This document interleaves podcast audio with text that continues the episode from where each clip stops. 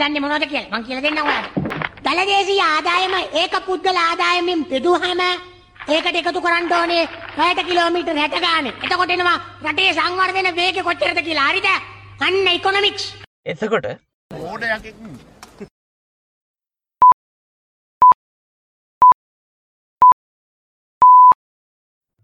අයිබෝන් අද දෙදස් විසිය එකේ සප්තම්බර් විසි හත්තනිද රට කරන හැටි පොඩ්කාස්ට් එකේ හැත්ත දෙවනි කොට සත්තික එකතන හැමෝම වෙනදාගේම අදත් ආදරෙන් පිළිගන්න වගේම තමයි පොඩ්කාස්ට් එකේ හැත්තැක් වනි කොට සත්ත එක එකතුරු අපිත් එක අදහස් බෙදාගත් හැමෝටමත් ගොඩක් ස්තුතියි කියලා කියන්න ඕන. අද පොඩ්කාස්ට් එකෙන් අපි කතා කරන්න බලාපොරොත්තුවෙන්නේ වැඩ කරන්නේ ඇයි කියන කාරණ ගැන සහ ජර්මන් මැතිවරණ ගැන. අපේ පළවෙනි මාතෘකාවට අවත්හෙම පොඩ්කාස්ට් එකේ හැත්තැක්වැනි කොටසෙන් සහ හැත්තවැනි කොටසෙන් අපි සත්තුටේ පිරිවැයි කියලයි කෝස්ට of ප්‍රඩක්ටඩි කියලයි සෙග්මන් දෙකක් කරා. ඒපිසෝඩ් දෙක මේක බලන්න කලින් ඒපිසෝඩ් දෙක බැලුවත් මේක කියන දේ තේරුම් ගන්න ගොඩක් ලේසිය කියලා අපි හිතනවා. කොහොමුණත් කෝස්ට of ප්‍රඩක්ටඩි කියලා අපි ජපානය ගැන කතා කරප එක තියෙන් ඉංග්‍රීසින් ඉතින් ඒක සිංහලෙන් පොඩ්කාස්ට එක හන්ඩත් කැමතිනම් අපිට කමෙන්ට් කරන්න එක ගැන ෆෙස්බුක් ටට YouTube වගේ එකකින් හෙමනැත්තං ඊමෙල් වුනත් කමක් නෑ කොහොමහරි මේ පිසෝඩ් දෙක එකළඟ සැලසුම් කරලා රෙකෝඩ් කරේ. අද මේ හැත්ත දෙවැනි එපිසෝඩ් එකේ වැඩ කරන්නේ ඇයි කියන එක ගැන කතා කරන්න. ඒ ටොපික් දෙක ගැලපෙන හන්ද. සතුරේ පිරිිය එපිසෝඩ් ඒ සෙක්මන්ට එකයි කෝස්ට ප්‍රඩක්ටට සෙක්මන්ට් එකයි දෙකේම අපි කතා කරේ වැඩ කිරීම කියන එක ජොබ් එකක් කරන කියන එක අන්ත දෙක ගැන. එක පැත්තකින් සත්තුට මුල් කරගත්ත ක්‍රමයක් තියෙනවා. අනි පැත්තෙන් කාර්යක්ෂමතාවේ මුල් කරගත්ත ක්‍රමයක් තියෙනවා. එතකොට සතුට මුල් කරගත්ත ක්‍රමේදී වැඩ කරන්නේ ජීවත්වෙන්ඩ එතකොට කාර්යක්ෂමතාව මුල් කරගත්ත ක්‍රමේදී ජීවත්වෙන්නේ වැඩ කරන්න. ඉතින් මේ අන්ත දෙක දිහැ බලලා ඇත්තටම වැඩ කරන එකේ හේතුවක් තියෙන්ඩෝනේ කියලා එක ගැන හොයන්න ඕනි කියල තමයි හොයන්ඩෝනි කියලා හිතුනහ තමයි අපි මේ මාතෘකාව ගැන කතා කරන්නේ. දැන් එක පැත්තකින් කාර්යක්ෂමතාවය ගැන කතා කරන කට්ටිය කියන දෙයක් තමයි එකන්නේ ජීවත් වෙන්නේ වැඩ කරණ්ඩයි කියලා කියන කට්ටිය ඉදිරිපත් කරන තර්කය තමයි අපි ජීවත්වෙන්ඩ අපිට හේතුවක් තියෙන්න්න ඕනේ. එතකොට ඒ හේතුව තමයි වැඩ කිරීම. එකන්නේ රස්සාාවක් කරනකොට ඕනෙම මට්ටමක රස්සාාවක් කරනකොට ඒකෙන් මොකක් හරි අවසාන ප්‍රතිඵල ඇත්තියෙන අවසාන ප්‍රඩක්් එකත් දකින්න ඇති සේවාවල් පායගැනේ නීතිඥයෙක් වගේ ඒ රැකියවල් ගත්හම ඒවෑ අවසාන ප්‍රතිඵලක් ගැනේ අල්ලන්ඩ අල්ලන්ඩ පේන්ඩ දෙයක් නැහැ. තියෙන්නේ නඩුවක් හරි ඒ ලේකනයක් කර හෙම දෙයක්. ඒ රැකියාවල් වලින්දලා අපි බැලුවොත්හෙම මේසන් බාස් කෙනෙක් වඩුවෙක් මේ මේ මේ දෙගොල් අතර ඉන්න හැම රස්සාාවක් කරන මනුස්සෙක්ගෙම ඒ රස්සාාවක් කරන්න හේතුව ඒක අපි රස්සාාව කිරීම තුළින් සමාජයට මොකක් හරි දෙයක් දෙන්න මිනිස්සුන්ට තියෙන කැමැත්ත කියල තමයි එක කට්ටිය තර්ක කරන්න. එතකොට ඒ මිනිස්සු ඒකට පුරුදුන හන්දා අද වෙනකොට රස්සාාව මිනිස්සුන්ට අත්‍යවශ්‍ය දෙයක් වෙලා තියෙනයි කියල තමයි එක කට්ටිය කියන්නේ. එතකොට ඊළඟට ඒකෙම අනි පැත්ත එකන්නේ වැඩ කරනොයි කියන එක ජීවත්වෙන්ඩ අවශ්‍ය කාරණාවක් කියල කියන කට්ටිය එකන්නේ සත්තුට තමයි හැමදේට වැදගත් කියන කට්ටේගේ තර්කය තමයි. අපි ට්‍රිප් එකක් ගියත් කෑම කනාවුනත් මූනත පැහෝදකන ගත් මේ හැම දෙයම්ම ජීවිතය කොටසක් විතර එතකොට ඒ ඒකට අපි මුළු ජීවිතයම යොදවන්නේ නැහැ. කෑම කණයකට මුළු ජීවිතයම යොදවන්නේ නැහැ. ඒ වගේ වැඩ කරනවා කියන එකත් ජීවිතය එක කොටසක් විතරයි. අනිත් දේවල් එක්ක සම්බන්ධුණු කාරණාවක් තමයි වැඩ කරනවා කියල ගන්න ඒක ඒකෙන් මුළු ජීවිතයම ඒකට මුළු ජීවිතම දෙන්න බැහැ කියල තමයි අනි පැත්තින්න කට්ටිය කියන්න. එතකොට මේවට අපි උදාහරණ හැටියට ගත්ත ජපානයි ස්වීඩ්නය. මුලින්ම ජපාන ගැන කතා කරා. එතකොට එතෙන්දි මිනිස්සු ජීවත් වෙන්නේ වැඩ කරන්න. එතකොට ඒගොල්ලෝ නැගිට්ට වෙලා විඳලා කෑම කණයක ඉඳලා හැම දෙයක්ම සම්බන්ධ වෙලා තියෙන්නේ රස්සාාවට යන එක මත. ආර්ථිකය සමාජ මේ හැම දෙයක්. එතකොට ඒකෙන් ජපාන මිනිස්සුන්ට නැතිවෙන්නේ පෞද්ගලික සතුට. හැබැයි ඒ වෙනුවට සමාජයක් හැටියට ඒගොල්ලන්න පුළුවන්ගෙන මුළු ලෝකයක් එක්කම තරඟ කරන්න ලොකු ආර්ථිකයක් එක්ක. අනිත් අතට ස්වීඩන් වගේ රටවල් තියෙන ස්වීඩන් වගේ රටවල්ලට සතුට මුල් කරගත්ත ඒගැන්නේ මිනිස්සුන්ගේ පෞද්ගලික සතුට මුල් කරගත්ත ක්‍රමයක් තියෙන් එතකොට එයාලා වැඩ කරන්නේ සමාජයේ යහපත ගැන හිතලා. එහෙම තමන් වැඩ කරන ප්‍රයිවට් තමන් වැඩ කරන කම්පැනී යහපත ගැන හිතලා නෙවෙයි. එයාලා වැඩ කරන්නේ ජීවත්වෙන්ඩ රස්සාාවක් කියන එක අවශ්‍ය කාරණාවක් කන්ද එකන්නේ සල්ලි උපයන්ඩ සතුටින් ඉන්ඩ ඒ අවශ්‍ය කාරණාවක් කන්ද එතකොට ඕක තමයි වැඩ කරනවයි කියනකට තියෙන පැති දෙක. ඕකෙන් ඒකෙන් ඇතිවෙන ප්‍රතිඵලය තමයි කාර්යක්ෂමතාවයට මුල් තැන දෙන රටවල් වල එකන්නේ අපි එලියට දාන ප්‍රඩක්් එකකට මුල් තැන දෙන රටවල්ලට ජපානය චීනය ඇමරිකා මේ වගේ රටවල්වල මුල් තැන දෙන්නේ මිනිස්සුන්ට වැඩිය බිස්නස්වලට ඇති කැන්නේ එක රටල් එක විදිරම එක් කරන එන්න පුළ හැබැයි සාමාන්‍යෙන් බිස්නස් බලා ගැනීම තුළින් බිස්නස් ආරක්ෂා කර ගැනීම තුළින් තමයි රටක් හැදෙන්නේ කියලා මේ කාරක්ෂමතාවට මුල් තැනක දෙන රටවල් විශ්වාස කරන තකොට බිස්නස් පවත්වාගෙනයන්ට බදු අඩු කරන බිස්නස් වලට ලේසිවෙන විදිහට නීති ලිහිල් කරනවා. ඒ වගේ කාරණාවල් තමයි අපි මේ මේ කාරක්ෂමතාවට මුල්තැන දෙන රටවල්ලට දකින්නේ. අනිත් පැත්තට පෞද්ගලික සතුට ගැන හිතන රටවල්වල බිස්නස් එක යහපත රැඩිය ඒක වැඩකරන මිනිස්සුන්ගේ හපත ගැන සමාජයේ මිනිස්සුන්ගේ හපත ගැන තමයි හිතන්න. එතකොට බිස්නස්වලට වැඩිපුර ටැක්ස් ගහනවා. මිනිස්සුන්ට සමාජ සුභසාධන ක්‍රම තියෙනවා. සහ සමාජයේ ලොකු පරතරයක් නෑ මිනිස්සු අතරේ. එතකොට මේ දෙකෙම්ම කරන්නේ රටක් රන් කරවන එක. වෙනස තියෙන්නේ එක ක්‍රමයක් විශ්වාස කරන බිස්නස් වල පැවැත්ම හන්ද තමයි රටක ආර්ථිකයක් පාතිගෙනන්නේ බිස්නස් කාරක්ෂමයින රට ආර්ථිකයක් රන්න රන්නනවා එතකොට ඒ බිස්නස් එකේ වැඩ කරන මිනිස්සුන්ට සල්ලි හම්බෙනවා නම් එතන හොඳ රටක් තියෙනවා කියලා කට්ටියක් විශ්වාස කරන තව කට්ටියක් විශ්වාස කරනා මිනිස්සුන්ගේ පෞද්ගලික සතුට තමයි වැදගත්වෙන්නේ එතකොට ඒකට බිස්නස් එකක් කොච්චර සාර්ථක රන්නනාද කියන කාරණාව වැදගත් නැහැයි කියල එකල්ලො කියන ඉතිං එතකොට ඒ ප්‍රශ්නයත් එක්ක ඒ කාරණාවල් ටිකත් එක්ක අපි හිතනවා වැඩ කරන්නේ ඇයි කියන එක ගැන අද පොඩ්කාස්ට් එක අහනකට්ටියට තමන්ටම පෞද්ගලික තීරණයකට උත්තරයකට එන්ඩ පුළුවන් වෙයි කියලා. ඊළඟට අපි කතා කරන්නේ ජර්මන් මැතිවරණය ගැන. ඊය දවසේ එකන්නේ සැප්තැම්බර් විසි හයවෙනිදා ජර්මන් ව්‍යස්සදායකට මන්ත්‍රීවර තෝරගන්න මැතිවරණයක් පැත්තුන ඉතිං මීට කලනුත් අපි මේ ලෝකෙ එක එක රටාලල මැතිවරණ ගැන එතකොට එක එක රටවල්ලල දේශපාලනි සිද්ධන නස්කම් ගැන කතා කරපු හන්ද අපි හිතුවා මේ ජර්මණී ගැනත් එකොළඟ මැතිවරණය ගැන කතා කරන්න ඕන කිය. මුලින්ම අපි පොඩි අවබෝධයක් ගන්න ඕනේ ජර්මණී ගැන ඒගොල්ලො ඒගොල්ලන්ගේ වටපිටා ගැන ජර්මණී කියල කියන්නේ යුරෝපයේ විශාලම ආර්ථිකය GDP එක අතින් දල්දේශී නිෂ්පාදනය ඇතින් ඒකොළ පිරිවස්සෙන් ඉන්න ඇමරිකාවටයි චීනටයි ජපානටයි විතර එතකොට ජර්මන් ආර්ථිකය විශේෂෙන්ම යුරෝපෙට ලොකු බලබෑමක් එල්ල කරනවා. ඒ වගේම ජර්මනීය විදේශ ප්‍රතිපත්ති ඇමරිකාණු රටවල්ලට අප්‍රිකාවට ආසියාවට යුරෝපෙට හැම රටකටම බලපාන එකොල්ලන්ගේ තියෙන ඒ ආර්ථික බලයත් එක්ක.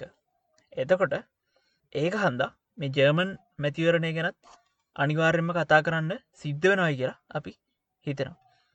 ඊළඟට අපි බලන්න ඕනේ ජර්මන් ඉතිහාසය මොනවගේද කියලා විශේෂෙන්ම මේ මෑතකාලීන ඉතිහාසේ එක්දා සටසි ගනවල ඉඳල පටන්ගත්තොත් එක්දා සටසි හැත්තකේදී ඔටෝවන් විස්මක් ශාන්සල වෙනවා එයා යට තමයි මේ අපි දන්න ජර්මනිය ගරුප් එකක් හැටියට එක රටක් හැටියට නිර්මාණය වෙන්න. එතකොට එයායටතේ පලවෙනි ලෝක යුද්ධයට යනවා ලු යුද්ධ පැරදෙනවා.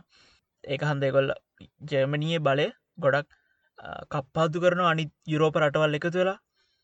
අලුත් ව්‍යස්ථාවක් එක්ක අලුත් ජර්මණයක් පිහිටවන ප්‍රජාතන්ත්‍රවාදී ජර්මණය අතිරාජ්‍යෙක් නැති. එතකොට අලුත් ජර්මණයට ගැන්නේ වයිමා රිපබ්ලික් කියලා. ඊට පස්සේ එක්දස් නවසී තිස්තුනේදී හිටල ජර්මණී චාන්සල වෙනවා. පස්සේ හිටල ජර්මණී ලෝක යුද්ධයකට රංගිහිල්ල ජර්මණිය දෙවනි ලෝක යුද්ධනුත් පරදිනවා. දෙවනි ලෝක ඉදිවරනොත් එක්කම අර සීත යුද්ධත් එක්ක ජර්මණිය බෙදනවා. බටහිර ජර්මණය නැගෙනහිර ජර්මණය කියලා. එතකොට බටහිර ජර්මණය ප්‍රජාතන්ත්‍රවාදී ජනරජයක්. එතකොට නැගිනිහිර ජර්මණිය කමියනිස්ට් um, රාජ්‍යයක් වෙනවා. ආයමත් uh, මෙහෙම සීතිද්ධ කාලේ මෙහෙම දිගට මැවිල්ලා එක්දස් නසේ අනුවේදී බටහිර ජර්මණය නැගෙනහිර ජර්මණයයි එකතු කරලා නැවත එක රටක් වෙනවා. එතකොට අද වෙනකොට ජර්මන් ව්‍යස්ථාවනුව uh, රටේ නාමික ජනාධිපති කෙනෙක් ඉන්නවා. එයට පොඩි බලතල කීපයක් තියෙනවා. Um, සමහරක් ව්‍යස්ථාදායකය හරහා සම්මත වෙලා යන නීති ව්‍යස්ථාවට පටහැනී නම් ඒව නවත්වන්ඩ වගේ බලතල කීපයක් මේ ජනාධිපතිරයට තියෙන හැබැ එතනින් හාට එයා රාජ්‍යයේ නියෝජිතයක් විතරයා රජයට රිජු බලපැම් කිරීමක් නැහැ. ජනාධිපතිරයාව තෝරගන්නේ වැස්ථාදායකේ සාමාජික ඉන්න කමිටුවකි. එතකොට ඊළඟට තියෙන අධිකරණ එක ස්වාධීන අධිකරණයක්. හැබැයි අද වැදගත්ම තැන තමයි මේ මැතිවරණඇත් එක්ක වැදගත්ම තැන තමයි රටේ ව්‍යස්ථාදායකේ.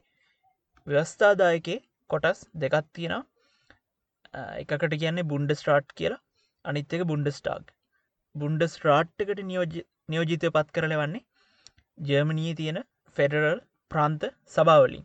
එතකොට බුන්ඩ ස්ට්‍රාට් එක සාමාජික හැටනවයක්කින්න ඒකෙන් ව්‍යස්ථාදායකේ විදායකේ බලතල ටික පාලනය කරන්න බැලන්ස් කරන්න උපකාරගෙන එකන්නේ මධ්‍යම රජය කියන නීති ප්‍රාන්තවලට අහිත කරයි නම් ඒකට විරුද්ධ වෙන්න බලයක් බුන්ඩ ස්ට්‍රාට් එකට තියෙන ඒ වගේම බුන්ඩස් ටාග් බුන්ඩස් ටාග් එක සම්මත වෙන නීති බුන්ඩ ස්ට්‍රාට් එක අවසර ඇතුව තමයි ක්‍රියාත්මකවෙන්න පුළුවන්ගන්නේ එතකොට අර චෙක්කන් බැලන්ස එකක් හැටියට බුන්ඩ ස්රාට් එක ජර්මනී පාත්තාගෙනන හරියට නිකං අර ලංකා විස්සර තිබ්බ සෙනට් සභාවගේ ඊළඟට වැදගත්ම තැන තමයි ව්‍යස්ථාදායකෙත් බුන්ඩ ස්ටාග් කියන එක.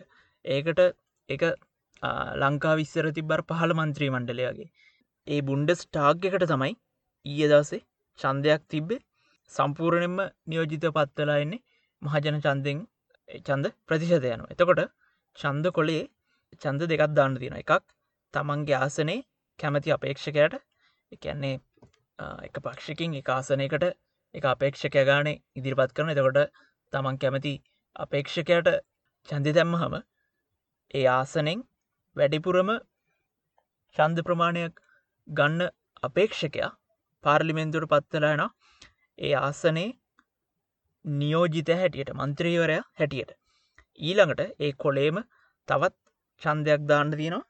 ඒ චන්දය දාණ්ඩ තියන්නේ තමන් චන්දය දෙන පක්ෂට එතකොට එක එක ආසනවලින් මන්ත්‍රීවරු පත්වල ආවට පස්සේ දෙවැනි චන්දෙන් බලනවා එක එක පක්ෂයට කොච්චර චන්ද ප්‍රතිශතයක් ඇවිල් අදි කියලා මුළු රටෙම්. එතකොට අවම පාර්ලිමේන්තුවට එන්න සීයට පහක චන්ද ප්‍රතිශතයක් ඕනෙන පස්සේ ඒ පක්ෂය ලබාගන්න චන්ද ප්‍රතිශතයට අඩු ප්‍රතිශතයක් නං ආසන ලැබිල තියෙන්නේ එකැන අප හිතමු මොකක්හරි පක්ෂයක් සීයට විස්සක් චන්ද ගන්න හැබැයි ඒගොල්ලෝ දිනාගන්න ආසන ගාන පාර්ලිමෙන්තුවේ මුළු ආසන ගානෙන් බෙදුහාම ඒගොල්ලන්ට ලැබිල තියෙන්නේ පාර්ලිමෙන්තු ආසනොලින් සීයට පහළොයි. එතකොට ඒ ඉතුරු සීයට පහට හරියන්ඩ පක්ෂයට අමතර ආසන ප්‍රමාණයක් බුන්ඩස්ටාග්ගේ ලැබෙනවා. එහෙම කරලා අර ප්‍රතිශතය බැලන්සෙන විදිහට වැඩිපුර ආසන මේ හැම පක්ෂකටම ලබා දෙනවා. ප්‍රතිශතයට වැඩි ආසන ප්‍රමාණයක් කරන් තියෙනවනම් අනිත් පක්ෂවලටත් ඒදිහට වැඩිපුර ආසන දීලා මේක බැලන්ස් කරනවා එතකොට ජර්මන් පාර්ලිමේන්තුවේ එහෙම ෆික්ස් කරපු ස්ථාවර ආසන ප්‍රමාණයක් නැහැ අවම ආසන ප්‍රමාණයක් විතරයි තියෙන. එතකොට මෙහෙම තේරිලායන මන්ත්‍රීවරු චන්දයක් කියලා කාවය අගමැතිවරය තෝරනවගේ චාන්සලව බුන්ඩ ස්ටාග්ගකින් තෝරගන්න. මෙච්චරකල් ජර්මණයේ චාන්සල වනේ අවුරුදු දාසයක් එකදිකට ඇන්ජලා මර්කල් ලෝකිඳපු බලගතුම කාන්තාව සහ ලෝකිඳපු බලගතුම පුද්ගලයන්ගෙන් කෙනෙක්. කොහොම නමුත් අවුරුදු දාසයක් එක දිගට ජර්මන් චාන්සල හැටට ඉඳලා මර්කල් ප්‍රකාශ කරන මේ පාර තමන් දේශපාලනෙන් අංගනය කියලා. සාමාන්‍යෙන් මේ චන්ද ක්‍රමය ඇතුළේ ඇතිවෙන්නේ ලොකු සන්ධාන ආණ්ඩුව ගැන පක්ෂ කීපයක් එකට එකතු කරලා තමයි ආණ්ඩු කරන්න සිද්ධවෙන්. නමුත් මර්කල්ට පුළුවන්ගෙන එහෙම අර විශාල සන්ධානාණ්ඩු හදන ක්‍රමයකුණත් අවුරුදු දාසයක් එකදිගට බලයින්න එතකොට එයාගේ එයාගේ පාලන කාලේ ජේමණියට ලොකු ස්ථාවර බවක් කෙන මොකද එක දිගටම එයාට අර එයාගේ දේශපාලන දර්ශනඇත් එක්ක එකදිගට ජර්මණිය පාලනය කරන්න පාලනය කරගෙන යන්ඩ පුළුවන්ගෙන හන්ද. එතකොට මෙයා ගන්න තීරණත් ගොඩක් එක මන්තයකට ගිල්ල නැති ගොඩක් වෙලාවට කිරල මැනල ගන්න තීරණ. ඒක හන්ද වෙන්න මෙයාට එයාගේ දූරකාලෙදී ජනප්‍රිය තීරණ වගේම ජන අප්‍රිය තීරණ මේ කොටස් දෙකම ගණ්ඩ සිද්ධන එක. එක පැත්තකින් යා LGBTQරයිට් එකන්නේ අයිතිවාසිකම් වෙන පෙනීන්න නැෂ්ටික විදුලිය පාවිච්චි කරන එක නවත්තන්න තීරණය කරන සරනාගත ප්‍රශ්නදී යුරෝප අනිතරටවල් සරනාගතය භාරගන්න නැතිලාහක ජර්මණිය සරනාගතය භාරගණ්ඩ තීරණය කරන ඒ වගේම අනි පැත්තෙන් ඩිජිටල් කරණය එතකොට ගෝලියුෂ්ණත්වය වගේ ප්‍රශ්නවලදී මෙයා රෙක්මන් රැඩිකල් තීරණ ගන්න නැති හන්ද ජර්මණිය ඒ පැත්තෙන් ගොඩක් පිටි පස්සෙන් ඉන්නේ. ඉතිං මේවයින් සමහරක් ඒවා මිනිස් අත්තර ජනප්‍රියයි සමහරක්කව එච්චර ජනප්‍රී නැහැ.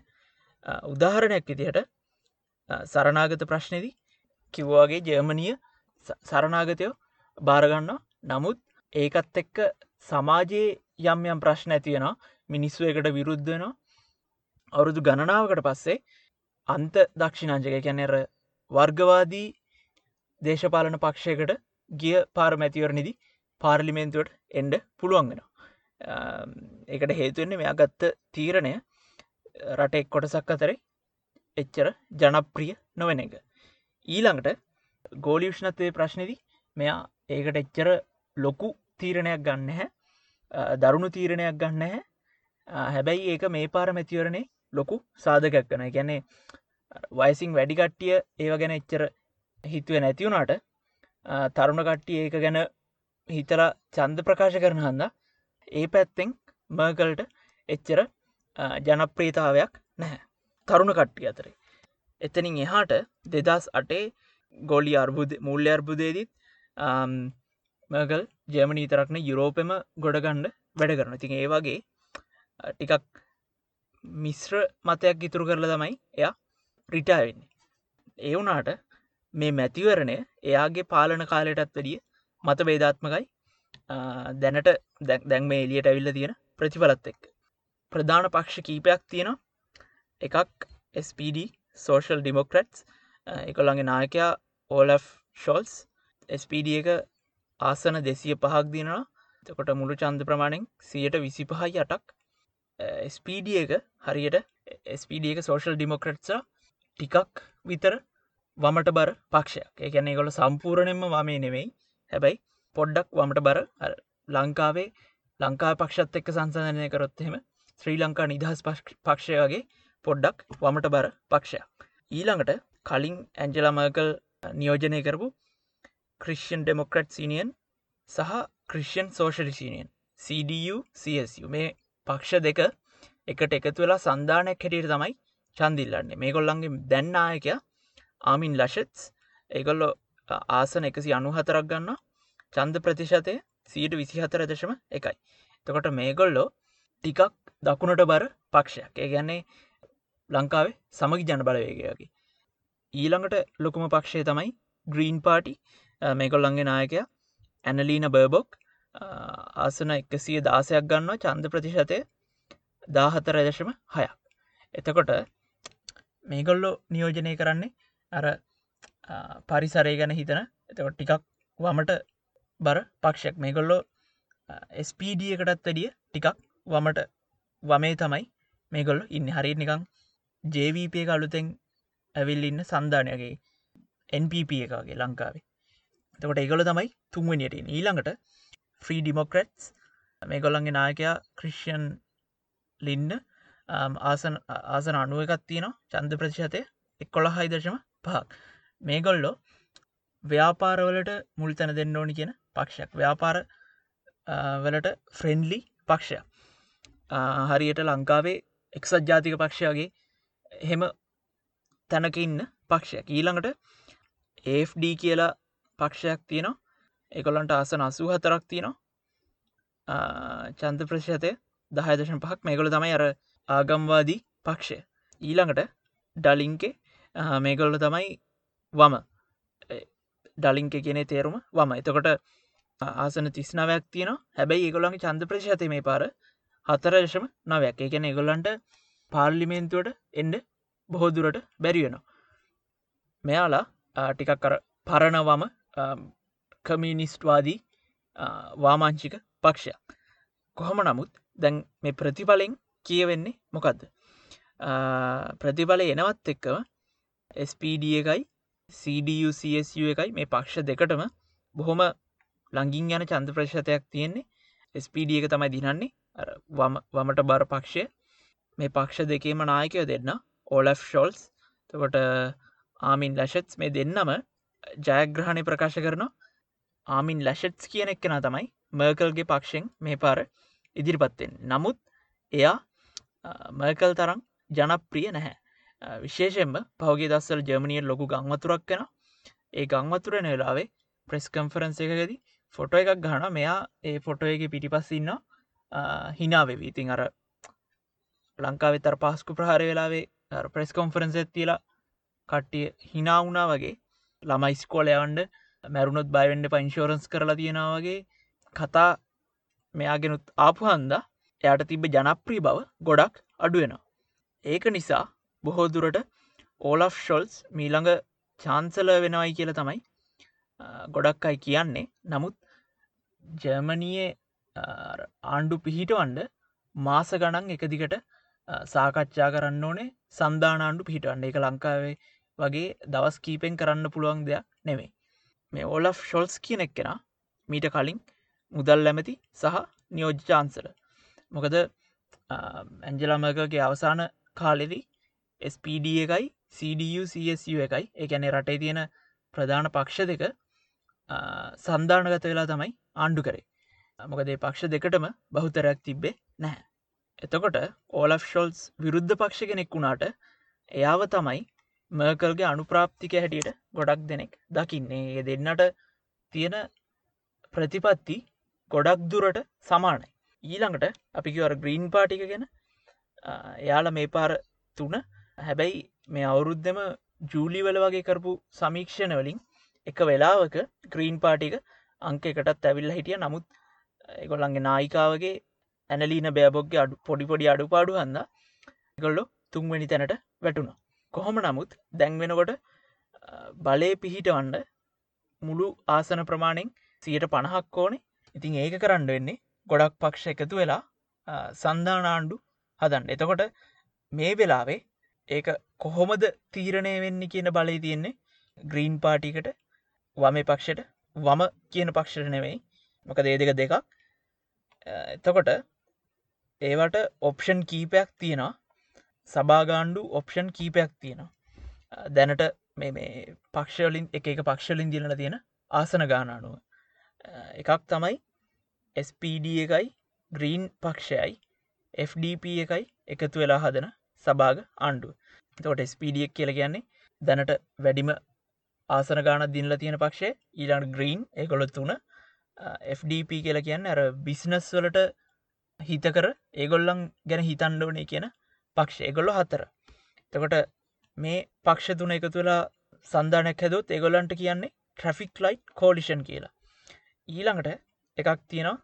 ජැමයිකා කෝලිෂන් මේක හදන්ඩ පුළුවන්ගෙන්නේ CDUCSU එකැන ඇන්ජලමගගේ පරණ පක්ෂය ග්‍රීන් පාටියක තුන්වැනි පක්ෂය සහ FDP එක එකතුනොත් තකොට ඒකෙදී CPD එක එකන වමට පොඩ්ඩක් බර පක්ෂය නෑ මේ ජැමයිකා කෝලිෂන් කියන එකට ආසන හාරසිය හතක් හම්වෙන එහෙම කරොත්ය එහෙම නැත්තං ඇන්ජලාමාර්ක අවසාන කාලෙ පාලනය කර විදිහට රටේ ප්‍රධාන පක්ෂ දෙකට එකතු වෙලත් පාලනය කරන්න පුළුවන්.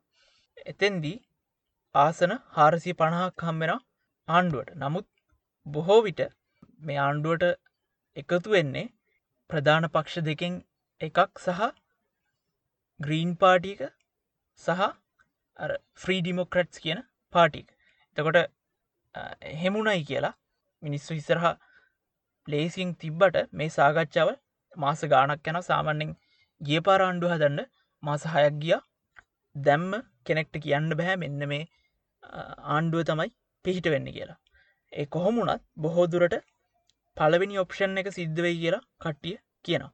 එකන්නේ ස්PD එක පලවෙනි පලවිනිටම ආසන ප්‍රමාණයක් ගත්ත පක්ෂය ග්‍රීන් පාටික තුන තුන්වැනි පක්ෂය සහ FDP එක හත්තරනි පක්ෂය.